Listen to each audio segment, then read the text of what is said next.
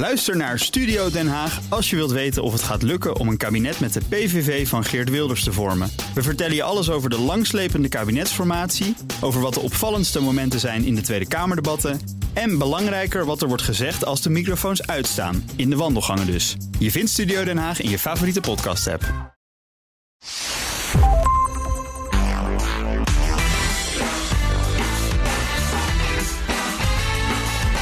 Welkom bij de Ben Tichelaar podcast bij BNR, de podcast over persoonlijk leiderschap. In mijn podcast ontvang ik bijzondere gasten met inzichten en ideeën die ons werk en ons leven verrijken. Deze week hebben we een hele speciale aflevering. Ik had de kans om een ware management-icoon te interviewen, Henry Mintzberg. Voor wie hem niet kent, Mintzberg is een Canadese managementhoogleraar, 80 jaar oud, die onder meer 20 boeken schreef en 20 eredoctoraten ontving. Iemand die er al decennia lang groot genoeg in schept om allerlei managementmythes door te prikken. Ik sprak hem via Zoom tijdens een webinar dat werd georganiseerd door Management Impact. Mintzberg heeft een paar mooie dingen te zeggen over management, leiderschap, zelfsturing en over de balans in de maatschappij. In het eerste gedeelte van ons gesprek ging het over management en leiderschap. Eerste vraag aan Mintzberg: is de kwaliteit van het management in de organisaties in onze westerse samenleving verbeterd in de afgelopen jaren? My view is that the practice of management has deteriorated significantly and steadily. Um, and, and, it's partly um, this separation, we'll get into it later, maybe of leadership and management, which I don't think can be separated. but, but we also have to distinguish entrepreneurs who know what they're doing. Uh, like Steve Jobs was a classic example, uh-huh. um, and or maybe Bezos at Amazon, um, from more established companies where too many people are too disconnected from what they're managing. And I have seen more and more and more of that uh, to the great deterioration of so many, not only businesses, but NGOs and governments and lots of other things. Just a complete disconnect. And, and by the way, I should add that uh, since he hasn't come up yet, surprisingly, but Trump is not what I mean by an entrepreneur. Trump is a manipulator and a, and a charlatan but I'm talking about real entrepreneurs. Well, it's good that we cleared that first, you know, that everybody knows what we're thinking about that. um, you, you, actually hinted already at, at, at a, a, discussion that has been going on within management science for years and years, especially, you know, put forward by people like John Kotter, that there is actually a difference between leadership and management. And some people might even argue that, you know, uh, leaders and manager are different persons. Um, maybe it's good, you know, I know that you have a strong opinion about that. Could you tell us what, what you think about that separation between the two?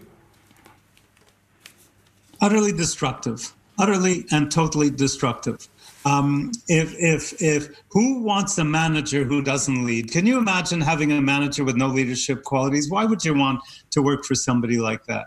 Well, if you have a leader who doesn't manage, they don't know what's going on. Mm-hmm. Uh, they're so busy being top management up there somewhere that they don't know what's going on because management is not about being removed. Management is about getting on the ground and finding out what's happening. You know, and that's not micromanaging. That's simply informing yourself, being in touch, firing up people, energize, helping to energize people, and so on and so forth. Um, and so the great leaders manage and the great managers lead. Um, and this separate, you know, this is so Harvard in a sense because they're creating great leaders, not mere managers. And just nonsense, sheer, utter nonsense. Well, that's clear. Thank you for that very clear answer. right. Hey, uh, some people really believe that the current pandemic, you know, the whole crisis, the COVID 19 crisis in the world, will cause structural changes. And what do you think? For example, uh, will the current crisis, for instance, change the way companies are run? Because so many people are working from home, need to be self directed. Uh, you see a lot of self directed teams at the moment. Do you think that this crisis, this pandemic, will change the way companies are managed? Well, two things. First of all, if anything's going to change, it's exactly what you're saying. People are getting used to working at home and they're getting used to Zoom. You know, I always used to say that being in touch is on the ground, seeing, smelling, seeing expressions. Well, you can see my expressions on Zoom. You can see, see my hand movements. You can watch my facial expressions. So it gets pretty close. Uh, it's not entirely good because we can't smell each other. Uh, we can't pick up our waves or whatever, uh, but we get pretty close. That's going to be very appealing. but as far as the general question is concerned, you know, it was a very smart Dane who once said that I never predict, especially the future. um, and I think he was exactly right that optimists predict what they like and pessimists predict what they don't like. Um, and so I don't like to predict. I can tell you what I like and what I don't like. You know, what I don't like is I hope that this kind of disconnected management doesn't keep going afterwards or there's less of it. Uh, what I do like is that um, people may get a, a sense of what real management is about and and also may demand more of their managers. You know, if I'm working in a company and I'm earning so much and my chief executive is earning 300 times as much as I am, mm-hmm. then that person is not a leader. Period. They are not a leader. The signal they're sending out is they're 300 times more important than anybody else. That's not leadership with management. That's not leadership. Yeah. Um, and so, and so, maybe we'll start challenging that nonsense and start to make our organizations much more democratic isn't the right word, but but more engaging for everybody so that people are respected uh, and they respect the company or the organization in turn. Yeah. Well, here in the Netherlands, actually, self-directed teams, self-leadership. Uh, you know, the Netherlands is a quite egalitarian country, as you may know. We know we like everybody to be equal, and and that may be a cause as well that we like self-directed teams or self-leadership. It's a popular topic at the moment at management conferences, management literature.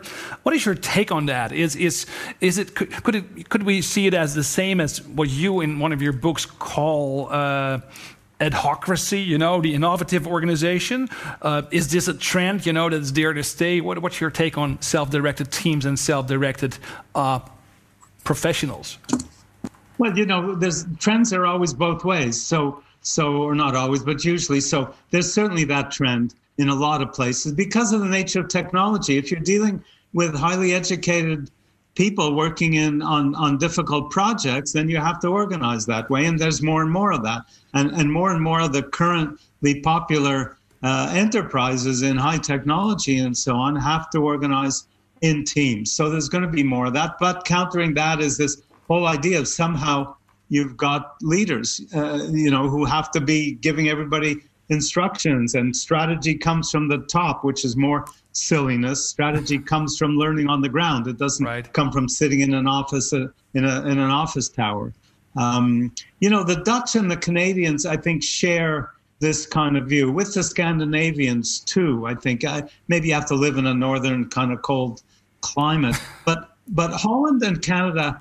Uh, and we share those norms. The Dutch and the Canadians have something very interesting in common, aside from the tulips that you send us every year for Ottawa um, and that is we we're, we're very um, um, uh, uh, suspicious of big, powerful neighbors. Right. We grow up in Canada looking always to the States as the big, powerful neighbor. In Holland, you've got Germany, yeah. who's historically, not so much now, but historically has played that role. That breeds a certain kind of suspicious nature.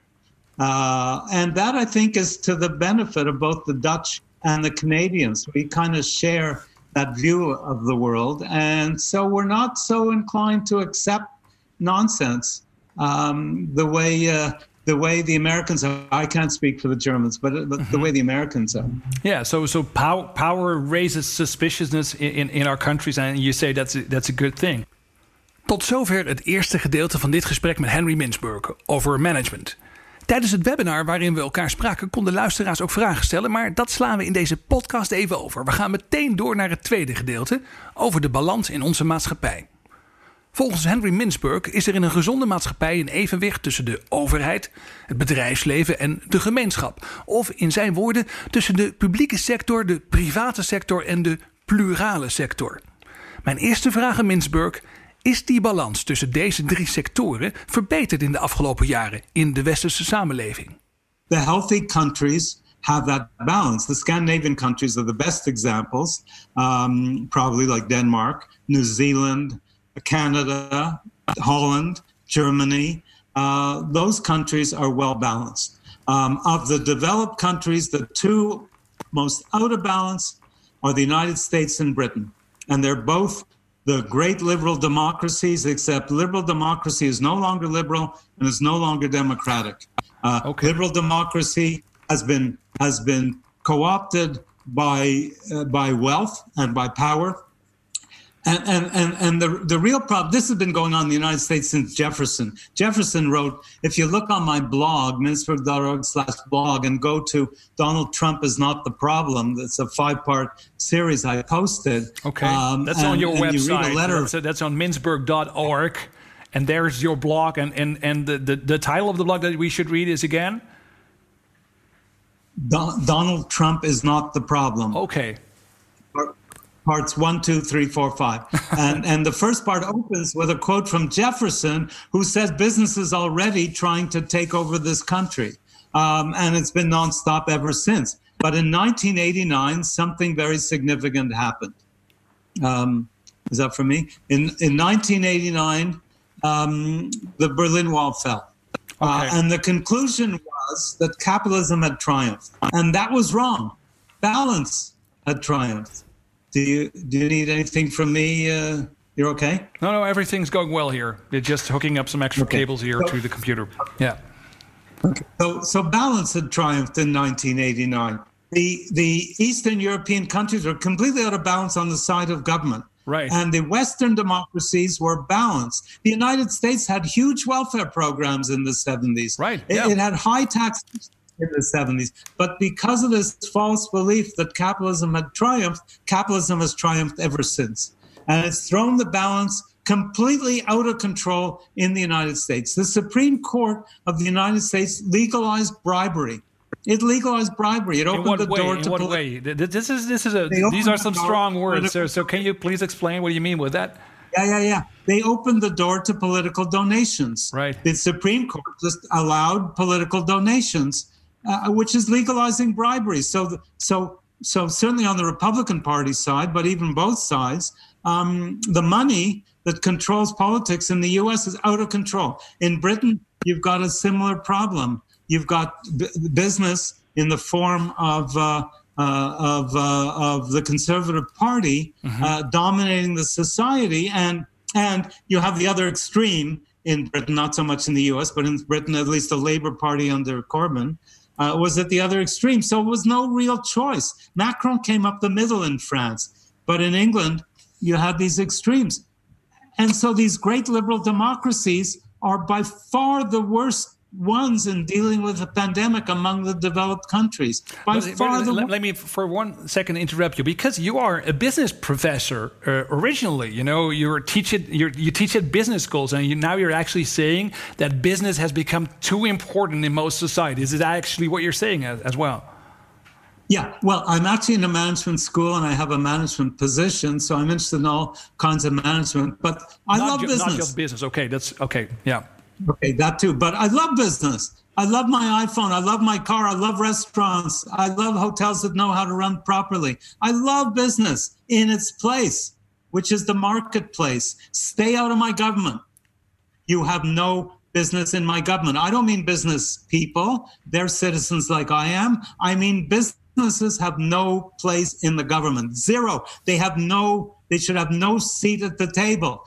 this idea that we make regulations and give them a seat at the table, right. not only to get their advice, which we should get, but to give them a say in legislation, that's crazy. Business belongs in its place, which is the marketplace. Very clear, very clear. And you're actually saying that this imbalance that you're observing now, uh, you know, business becoming business is becoming too big and too powerful in, in many societies, also plays a, also plays a role in this crisis that we're now facing. Yeah, to some extent, I think a lot of businesses have really tried to adapt and and you know and have stopped making cars or whatever and started making masks or whatever. So so so so there's been an attempt to adapt on the part of many businesses who, who I think are well meaning. Uh, the problem, to go back to where we were before, is the stock market. The stock market drives very short term, very narrow uh, behavior that's very, very dysfunctional. And and and and that's why I think there's other ways to raise money. Co-ops, you have major co-ops. You're one of your biggest banks. Uh, I don't know how it's functioning yeah, the, now, but the you have major yeah, co-ops. Right? Yeah. Yeah, You have major co-ops. They, they don't need money from the stock market. You know, you have companies like Tata in India that issue shares but keep the controlling shares in family trusts. Same thing with most of the major corporations in Denmark. The, the corporations are controlled by family trusts, even though there are shares on the stock market. So they don't have to take this crap from kid analysts who want, you know, how much money did you make this week? And, and, the idea of more, more, more. Apple passes a trillion dollars in sales. And what happens? That's the starting point. That's the starting say, point. You're actually saying that there are two problems. That on the one hand, businesses have become too powerful in many societies. But on the other hand, uh, there's also this problem that mo- many businesses are corrupt because they don't actually, uh, you know, supply us with what we need, but they just try to uh, please stock uh, stockholders, shareholders, and that's one of the heart of the, the problems. Yeah, no, I'm not saying they don't supply us with what they need. They may well supply us uh-huh. with what they need, what we need, but but what they do is they get co-opted by this intense pressure for more, more, more. How do you get more when you don't have any more ideas? You know, so you're sitting Apple with a trillion dollars, and the market is saying, "Good, that's the starting point. What are you doing next?" And and Steve Jobs is gone. You're not getting this incredibly innovative, uh, uh you know, uh, product development anymore. Uh, and so, did they play with the batteries? I don't know. Maybe they did. Maybe they didn't. But but other companies, the banks around here, the telephone companies. I, I tried to cancel a telephone con- contract with one of the big biggest companies in the country. Okay. I, I got this person on the phone. I explained everything. Good, fine. Now I'll send you on to somebody else who will do it. I go on to somebody else. She wants the whole story again. and, and says, good, now I'll pass you to the person who'll do it. In which case I exploded. Of course, it wasn't her fault, but I exploded and I said, the only reason you're doing this is so I'll hang up the phone and give up. Yeah. That's corruption. That company, one of the biggest phone companies, and I'll say it, you know, is, is one of the biggest, the Rogers, one of the biggest phone companies in this country is corrupt when they do things like that. Yeah, and it's okay? it's it's familiar. It sounds familiar because everybody you know throughout the world knows that it, this is the way it works. And in your book, you're actually I think that's that was for me that was one of the most impressive chapters actually in the new book. That's that's uh, exactly about this problem, the battle between more and better, as you call it. And you actually said, yeah. and those are some very strong words. You said chasing more is a disaster for our companies, our societies, our planet, and ourselves. It's a disaster that we chase more all the time. But isn't that actually just a, a, problem of you know of being human? Is that isn't isn't that not only a problem for for businesses, but it's, it's a problem that's actually at the heart of being human? No, not quite. It's one aspect of being human, uh, but there are all kinds of dysfunctional aspects of being human. Um, but doing better and better is just as deep inside of us. The idea right. of doing better all the time. And companies could be doing better and better. Instead of doing bigger and bigger, they could be doing better and better. And then they'll get more customers and they'll get more attention. You know, what are the restaurants you love? Are they are they the restaurants that are bigger and bigger and bigger? I've had Rijsttafel in Holland for one person. They sometimes make it for one person, um, and uh, and and there's ten tables in the place, you know, and they just do it well. Right. It's not always about bigger, bigger, bigger. It's about better, better, better, and and you can you can replace bigger with better. Uh, so this idea I personally think that nobody should be able to own what they can't use. Okay, uh, whether it's wealth or uh, or, uh, or or or you know why should some people have? There was a story of a chief executive of Goldman Sachs years ago who used to go to the best restaurants for lunch and order every single appetizer so he could taste them all and decide which one he wanted to eat. Okay, that guy belonged in jail. I think belonged in jail. I think he should go to jail. We need a war on waste.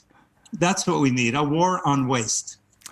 Last question I have for you, and then we'll move to the questions from the audience. Um, one of the things that you say in your book, and, and I, I, really love that phrase, is that communityship is actually more important than leadership. So, communityship is more important than leadership. Can you explain what you mean by that?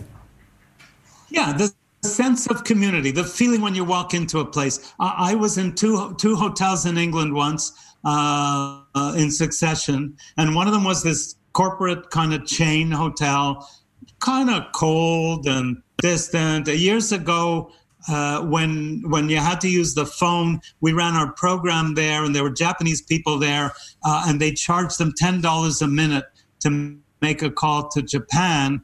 A guy from BT, British Telecom, who was in our class, said that call cost them less than a cent Right. a minute, and they were charging ten dollars a minute. That's the kind of stuff. Okay. Then I went into another hotel. You walk in, you just smell it.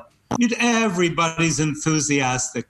I, it was in the Lake District, and I said to the waiter, you know, what kind of trails are there around here for hiking? And he said, I don't know.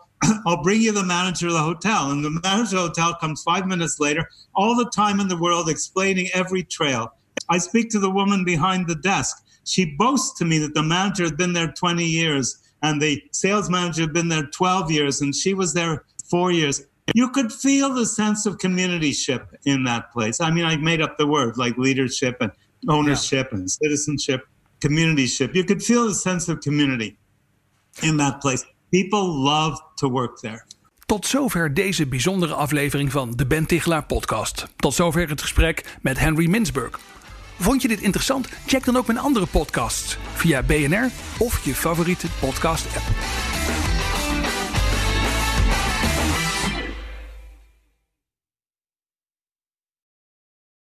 Ook Bas van Werven vind je in de BNR-app. Ja, je kunt live naar mij en Iwan luisteren tijdens de ochtendspits. Je krijgt een melding van Breaking News. En niet alleen onze podcast Ochtendnieuws, maar alle BNR-podcasts vind je in de app. Download nu de gratis BNR-app en blijf scherp.